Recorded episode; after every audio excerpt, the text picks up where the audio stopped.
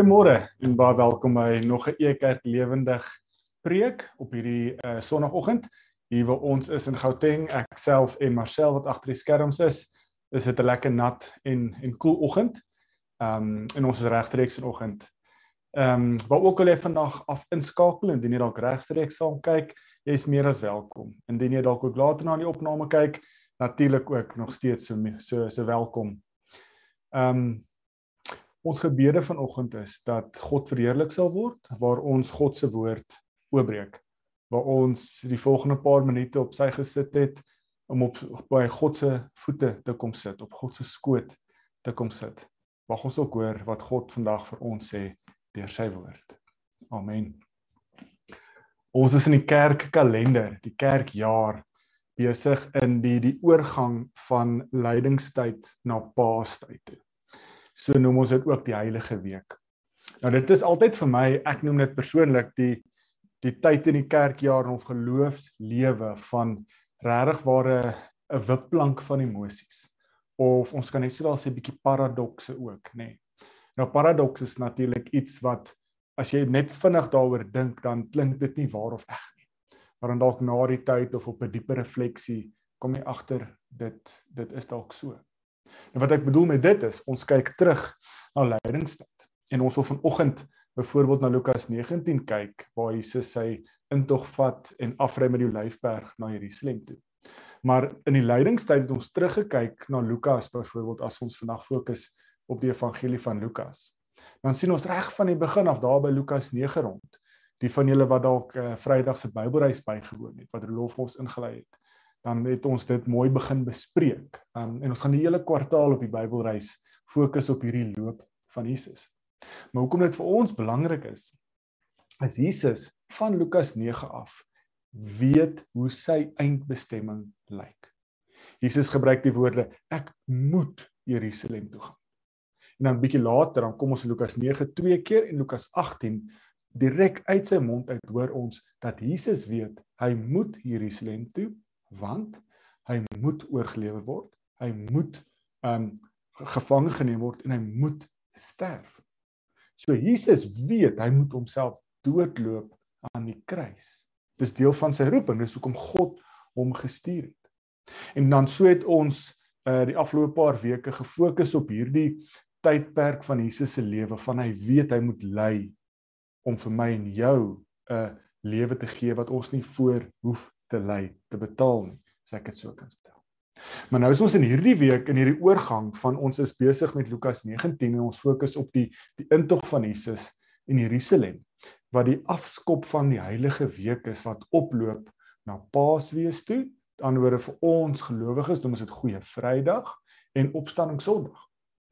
En dis byvoorbeeld al reeds vir ons 'n goeie begin van wat 'n paradoks is. Want ons noem dit Goeie Vrydag. Maar Jesus sterf. So wat is goed aan dood? En dit is hierdie paradoks dat sonder die dood van Goeie Vrydag is daar nie lewe van opstanding Sondag nie. En as jy nie 'n gelowige is nie of as jy nie glo nie, dan klink dit vir jou absoluut absurd om te sê, hoe kan Jesus sterf en dit is goed? Maar vir ons wat vandag hier saam kyk en ook later weer kyk, dit is 'n sentrale kernfondasie vir ons as gelowiges. Die feit dat Jesus so lief is vir my en jou of God so lief is vir my en jou. Jesus ook natuurlik. Dat hy sy enigste seun gestuur het aarde toe. En Jesus, as ons Filippense 2 kyk, dan het hy hierdie goddelike status. Hy is God, die seun van God. So hy ruil sy troon op in die hemel of eintlik sy kroon kan ons eintlik sê ons Stefan se woorde so bietjie steel. Dan kom hy aarde toe as 'n slaaf en hy word gebore in 'n krib. En so word hy 'n slaaf nog verder en hy verneder hom nog verder, soos Paulus vir ons sê in Filippense 2, deur homself doodloop aan 'n kruis, van 'n kroon na 'n krib na kruis toe. En so sterf hy. Offer hy homself op vir my en jou. Maar ook so word uit die dood uit opgewek, kry jy hierdie ereposisie en sit aan die regterhand van God, kry 'n troon in die hemel waar hy in saam met God in die hemel is. So dit is hierdie in 'n neutedop verhaal van wat my en jou identiteit gee as gelowiges. Dit is hierdie paradoks en dit is half hierdie emosies waarmee ons moet sit in hierdie paastyd. Van dit is sleg, die dood is nie goed nie. Maar sonder dood is daar nie lewe nie. En natuurlik vir my en jou is dit 'n fisiese lewe maar ook 'n geestelike lewe. En so wil ons vandag dan 'n bietjie juis hierdie amper wil ek sê hierdie wipplank van emosies, hierdie paradoks, hierdie kontrasterende emosies bietjie probeer omarm. En so wil ons graag na Lukas 19 kyk. So indien jy jou Bybel by jou het en jy wil graag saam lees Lukas 19, ons gaan lees vanaf vers 28 en ek lees vir ons uit die 83 vertaling. Nadat Jesus hierdie dinge gesê het, het hy voor hulle uitgeloop op pad na Jerusalem toe. Toe hy naby Betfage en Betanië kom, teen die Olyfberg, stuur hy twee van sy disippels vooruit met die opdrag: "Gaan na die dorpie toe daar reg voor julle. Net soos julle inkom, sal julle daar 'n jong donkie sien en julle sal hom kry wat vasgemaak is. Geen mens het nog ooit op hom gery nie. Maak hom los en bring hom hier. En as iemand vir julle vra, "Waarom maak julle hom los?" moet julle antwoord: "Die Here het hom nodig." Die twee wat gestuur is, gaan toe en kry alles net soos wat Jesus dit vir hulle gesê het. Terwyl die donkie losmaak, vra sy eienaar vir hulle: "Waarom maak julle die donkie los?" Hulle antwoord: "Die Here het hom nodig." Toe bring hulle die donkie na Jesus toe. Daarna gooi hulle van hulle klere op sy rug en help Jesus opklim. Terwyl hy aanry, het hy hulle van hulle het hulle van hulle klere op die pad oopgegooi. Toe hy naby die stad kom, teen die afdraand van die Lyfberg af het die hele skarend al die juigende volgelinge God uit volle bors begin prys oor al die wonderwerke wat hulle gesien het. Hulle het gesing: Loof die koning, hy wat in die naam van die Here kom, vrede in die hemel en eer aan God in die hoogste hemel. 'n Paar Fariseërs uit die skare sê toe vir Jesus: "Meneer, maak stil u volgelinge."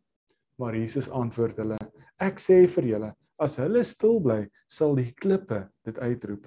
Toe hy nog nader kom en die stad voor hom sien, het hy daaroor gehuil en gesê: "As jy vandag tog wou insien wat vir jou vrede nodig is, maar nou is jy blind daarvoor.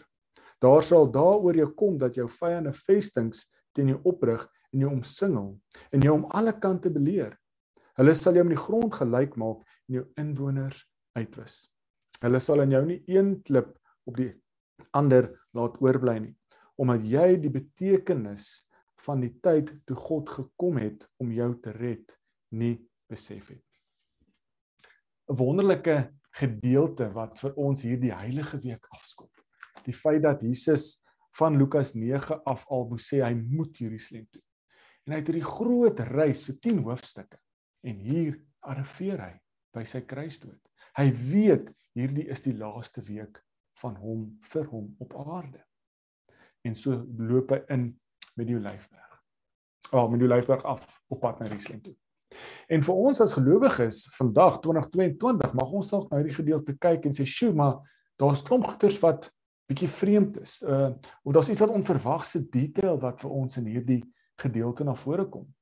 En ek wil graag dit met ons bietjie bietjie uitklaar dat ons presies kan sien wat is hierdie hoe probeer hulle Jesus skets as ek dit so kan stel. Wat beteken hierdie intog vir my en jou in hierdie heilige week opbou na Paasfees toe? Nou die eerste stukkie van hierdie inligting is dat die die die baie fyn detail oor die donkie.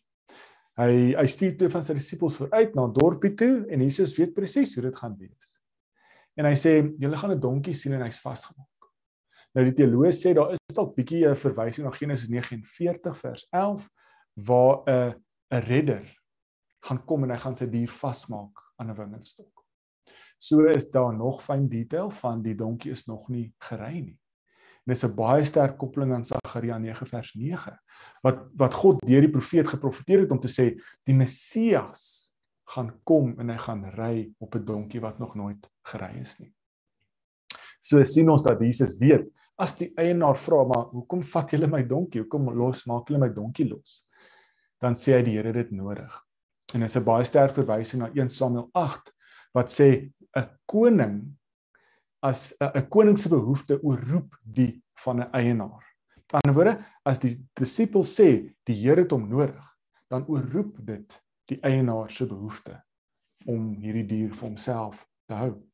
So sien ons dat die skare Jesus op hierdie donkie op sy rydier help klim.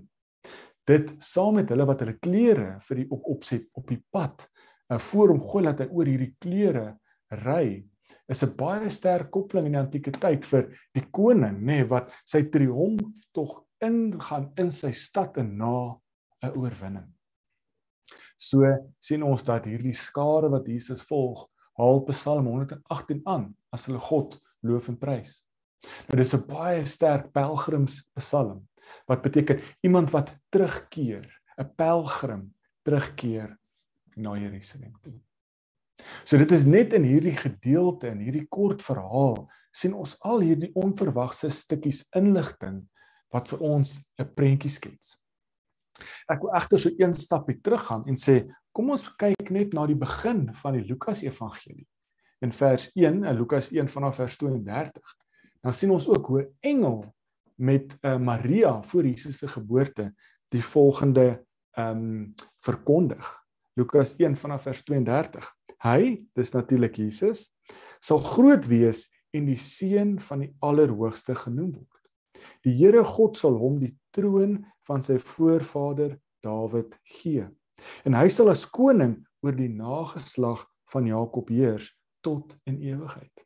Aan sy koningskap sal daar geen einde wees nie. So dit is hoe God se engel se boodskapper aan Maria, Jesus se moeder, sy intog, sy sy koms aan die wêreld toe verkondig. So ek hoop julle kom dit nou agter dat hierdie word vir ons geskets as hier's 'n koning wat terugkeer na sy eiendom toe, na sy land toe, na sy stad toe. Indien dit nie duidelik is nie, wil ek graag die perikoop of die gedeelte, die verhaal net voor Jesus se intog in Jerusalem ook vir ons lees. En dis natuurlik nou terug by Lukas 19 vanaf vers 11. Ek gaan net die eerste gedeelte lees, ek gaan julle dadelik agterkom wat hierdie gelykenis is. Lukas 19 vers 11.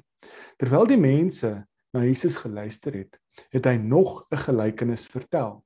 Aangesien hy naby Jerusalem was en hulle gedink het die koninkryk van God sou nou nou enige oomblik kom. Hy het gesê 'n man van aardelike afkoms het na 'n ver land toe op reis gegaan om as koning aangestel te word en dan terug te kom. Vooraf het hy 10 van sy slawe geroep en hulle 10 goue muntstukke gegee en gesê: "Dryf handel daarmee totdat ek terugkom." Sy landgenote het hom egter gehaat en 'n afvaardiging agterna gestuur om te sê: "Ons wil hierdie man nie as koning hê nie."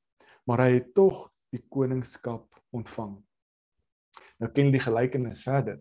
Die eienaar kom terug En dan is daar natuurlik nou die een slaaf wat baie gewoeker het met die goue muntstuk en hy gelewer 10 terug. Um 10 as wins het hy gemaak. En daar is verskriklik trots vir hom op hom en hy gee hom 10 stede. So typer dit nou so 'n bietjie af. Daar's al party slaaf wat bietjie 5 muntstukke gebring het. Maar dan hier op die einde is daar 'n slaaf wat sê ek ek is bang vir u as eienaar.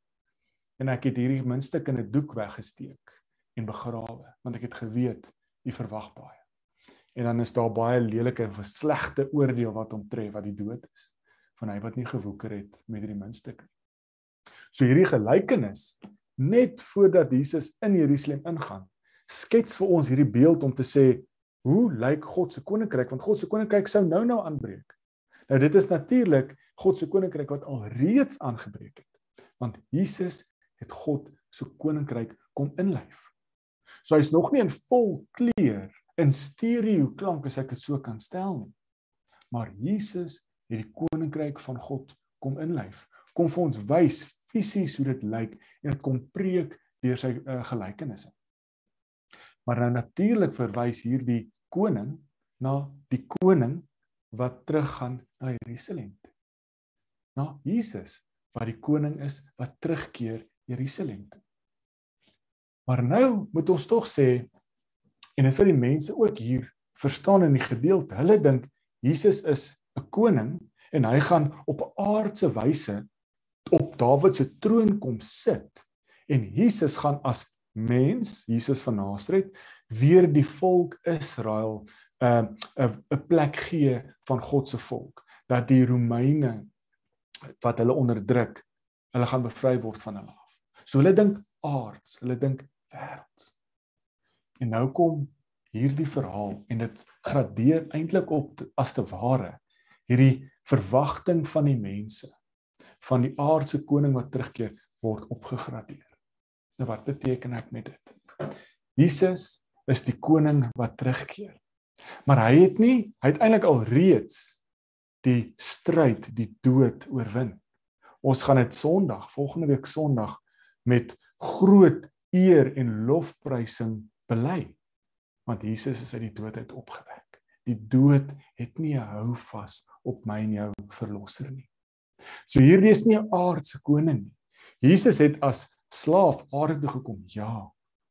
Maar God gradeer hierdie koning koningskap op deur te sê Jesus gaan nie op aardse troon in Jerusalem sit nie. Nee. Jesus kry ereposisie. Hy sit aan die regterhand van God want hy is God. En dit is hierdie eerste onverwagse opgradering wat God vir ons doen, kom wys wat Jesus vir ons kom bring op aarde. 'n Tweede opgradering is dat hierdie koninkryk is nie 'n aardse geografiese omgewing nie. Want dit is hoe die mense dink in hierdie gedeelte. Hulle die eerste lesers, die mense wat hierdie lofprysing sing uit Psalm 118 sê Jesus is uiteindelik iemand wat weer op die troon van Israel gaan sit in Jerusalem, vanuit Jerusalem gaan heers en ons gaan as volk van Israel weer uiteindelik ons eie nasie kan wees. En God sê nee, ek het vir julle 'n beter plan. Ek gee vir julle 'n hemelse, 'n goddelike regering, 'n goddelike koninkryk. En ek en jy deur te glo en te be bely dat Jesus ons verlosser is, dat Jesus my en jou Here is. Dat hy vir my en jou homself doodgeloop het aan die kruis op Goeie Vrydag. Dat hy die dood opgewek is en dat hy aan die regterhand van God sit. Maak dat ek en jy deel is van hierdie nuwe regering van God. En dis nie 'n regering van Pretoria of Gauteng nie of Suid-Afrika nie. Ons identiteitsnommer lê in die hemel opgeskryf.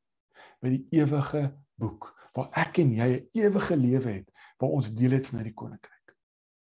Nou natuurlik beteken dit nie ons moet net wag dat hierdie dat ons tyd uitloop op aarde en laat ons uiteindelik in die hemel kom. Maar ek hardloop 'n bietjie vooruit ons gaan nou klaar maak met daai gedeelte. En natuurlik die derde regering is dat God koning word en dat hy nie op die aardse troon sit nie. Maar natuurlik dat die derde opgradering is dat hierdie volk wil hê Jesus moet weer teruggaan tempel toe en hy moet half as te ware hierdie aanbiddingsplek wat hulle in Jerusalem het word ook opgegradeer. Die Jode in Jesus se tyd het die tempel as 'n sentrale plek gesien van die huis van God. Dat dit is die plek waar God is, dis waar God aanbid moet word. Maar ons weet dit baie mooi met Paasfees dat God gradeer ook die tempel op en ek en jy word nou die huis van God. As ons na Paulus kyk God is so goed, so liefdevol. Hy sê ons hoef nie meer na geboue te gaan nie. Ons hoef nie meer na kerke te gaan nie. Maar nadat Jesus opgevaar het hemel toe en is wat Pinkster ook inkom, nê, nee, stuur God sy gees vir my en jou. En God is ten teenwoordig in jou, in my deur sy gees. So die tempel word opgegradeer en laat ons 'n konstante permanente teenwoordigheid het van God. Ons hoef nie na 'n plek toe te gaan of goed genoeg te wees om God aanbid of te beleef nie. Maar deur hierdie kruis gebeur, deur hierdie onverwagse waarhede van Paasfees, kry ek en jy 'n direkte lyn, 'n intieme persoonlike verhouding met God. Nou wil ek graag afsluit en sê, wat beteken dit vir my en jou as ons kyk na hierdie opgradering? En as ons die die vorige gedeelte raak lees of of of in gedagte hou van die gelykenis van die slaaf, die slawe en die goudmuntstukke en saam met die gedeelte van Jesus intog in Jerusalem. Kan ons op te, op 'n manier sê daar's basies 3 drie maniere van hoe ons kan reageer met hierdie onverwagse waarhede van Paasfees. Die eerste een is dat ons dalk moontlik soos die Fariseërs in die intog verhaal. Ons dink hierdie is te waar om uh, dis nie waar hierdie nie. So ons sê vir die vir vir, vir die mense wat God se koninkryk verkondig, bly stil. En Jesus sê, maar as hulle stil bly, gaan die klippe dit verkondig. Niemand kan die goeie nuus van God onderdruk nie. En net so is dit ook hand aan hand met die slaaf wat in die gelykenis van die van die goue muntstukke dit begrawe het. Ons kan dalk so bang wees vir hierdie koning, vir God dat ons ons gawe, talente, muntstukke begrawe. En dit is dan eintlik 'n tweede reaksie as ek dit so kan stel. Dat mag ons in hierdie paas wees soos die volk in die intog verhaal, saam uit volle bors God loof en prys. Want ons besef wat het hierdie paasfees, wat het hierdie gebeure, hierdie gehoorsaamheid van Jesus aan God, wat beteken dit vir my en jou? Dat ek en jy as kinders van God in hierdie lewe kan inleef. Maar die gevaar met daai reaksie is, is die vraag, is jy dalk net 'n paasfees Christen? Is jy dalk net 'n Sondag Christen? Nou wat beteken dit? Ons mag dalk soos in die verhaal van die intog Psalm 118 aanhaal, maar ons doen dit net op Sondag. Ons doen dit net op Paasfees wanneer ons herdenk dat ons verlosser vir ons gesterf het. Maar ek kan dit sê wanneer ons terugkyk na die gelykenis van die muntstuk. Wat het die die slaaf gedoen wat gewoeker het met sy muntstuk? Terwyl die koning nie daar was nie, het hy gewoeker gewerk teenoor die een wat net toe die koning teruggekom het gewoeker het. Wel, eintlik net teruggegee wat hy vir hom gegee het. So die vraag wat ek en jy moet vra is: besef ons dat ons elke dag Paasfees moet vier? Selfs in koninkrykstyd, selfs in lydenstyd, selfs wanneer ons nie God se nabyheid beleef en ervaar nie, is die vraag: woeker ons met hierdie insig, die waarheid, die goeie nuus wat ek en jy in ons dra? Want ek en jy is deel van hierdie koninkryk van God. So my vraag is, as Paasfees nou verby is, of as Heilige Week verby is, gaan jy nog steeds die hande en voete wees van Jesus op aarde. Gaan jy nog steeds toelaat dat die gees van God deur jou werk om te sien waar skyn hierdie lig deur hierdie gebroke donker wêreld. Dat ons betrokke kan wees daar en kan aanhou bou en werk aan die koninkryk van God tot wanneer ons verlosser weer aarde toe kom. Dit is 'n belangrike vraag want Paasies is 'n wonderlike tyd maar Paasies gaan ook verby. Dan is ons dit eers weer Kersfees Christene as ek dit weer so kan stel. Nou die derde reaksie is ongelukkig die die die die die die slegte die die baie lelike slegte oordeel van Jesus wat met die intog huil vir Jerusalem want hy weet hulle was blind om die tyd toe God se koninkryk aangebreek het mis te kyk. Ook so is dit die koning wat vir die slaaf wat sy muntstuk begrawe het, die dood as oordeel gegee het.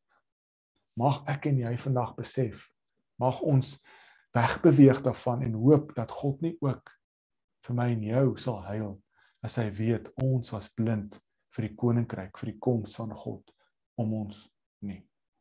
Mag ek en jy eerder soos die slaaf wees wat woeker met ons muntstuk wat God vir ons gegee het mag ek en jy in die heilige week regtig waarop die hakke loop van Jesus om te besef wat is dit wat hy vir my en jou gedoen het. Natuurlik beteken dit nie ons moet dit neerskryf en sê ons moet dieselfde hoeveelheid opoffering teruggee nie. Want dit is om genade goedkoop te maak. Want niks wat ek en jy ooit doen, gaan doen, gaan maak dat ons goed genoeg is om hierdie verlossing uit ons eie heil uit te bewerk nie. Maar ons kan net in dankbaarheid neerval En ons kan saam met die skare Psalm 118 sing en sê dankie Here. Dankie dat U vir my en jou aan die kruis vasgeloop het. Dat hy sy sonde nee, nie sy sonde nie, my en jou sonde op sy sondelose skouers gedra het. En dat hy deur daai pyn en lyding gegaan het sodat ek en jy nie vir ewig pyn en lyding gaan hê nie. Ja, die aarde is swaar. Ja, ons sit met hierdie emosionele wipplank van Suid-Afrika waarmee ons elke dag worstel. Maar ons weet as ons ook ons asem uitblaas, dan gaan ons ook dit nie finaal doen nie, maar dan gaan ons ewige lewe begin by die koninkryk, vol kleur aangebreek in die hemel by God en ons verlosser wat op die troon sit aan sy regterkant. Kom ons bid saam. Here, dankie vir die voorreg wat ons het om U naam te loof en te prys dat ons 'n persoonlike verhouding met U kan hê. Here, dat U Gees vir ons gestuur het om by ons elke oomblik van die dag te wees. Here, mag ons in hierdie Paastyd of vir die Heilige Week net as te ware opnuut besef, bewus raak van wat U vir ons gedoen het. En Here, ons verdien dit nie en uh, mag ons net met die regte reaksie optree om uit dankbaarheid te, dit te aanvaar. Mag ons dit ook deel maak van ons lewe Heer om nie net Paasfees of Sondag Christene te word nie. Maar mag ons met hierdie sleutel wat ons het, met hierdie kennis van die koninkryk van God, mag ons elke dag daarmee woeker. Mag ons sien waar u koninkryk aan die kom is om elke hoek en draai by die werk, by die skool, by vriende, by familie. Laat ons betrokke raak om ook so u koninkryk op te bou. Here help ons ook in die heilige week om net weer eens op die voete te kom sit en te kom hoor wat u wil vir ons lewe is. Here ons vra natuurlik dit nie omdat ons dit verdien nie, maar alleen net u seën ons verlosser se naam, Here Jesus Christus. Amen. Baie baie dankie dat jy ingeskakel het. Ons herinner jou ook aan eerskomende Vrydag. Dit is goeie Vrydag soos hy gesê het. En ons het nie 'n Bybelreis Vrydag nie, maar ons het 'n 'n Ekerk lewendig preek. Stefanie Berg gaan vir ons regstreeks op hierdie wonderlike wil ek amper sê goeie Vrydag uh vir ons op 9uur op al ons platforms uh diens behartig. En ek wil julle nou ook herinner om um brood en wyn of brood en sap as jy wil um voor te berei want ons gaan ook die voorreg hê om saam as Ekerk digitale familie ook nagmaal te gebruik as Stefan dit met ons bedien. Ook so gaan ons volgende week Sondag op opstanding Sondag weer 'n regstreekse diens hê waar ons hierdie Paasfees op 'n manier op afsluit op hierdie hoogtepunt. So ons baie dankie sê aan almal wat betrokke is by e kerk en almal wat deel is van e kerk familie en mag julle hierdie heilige week regtig waar die nabyheid van ons Here Jesus Christus beleef. Totsiens.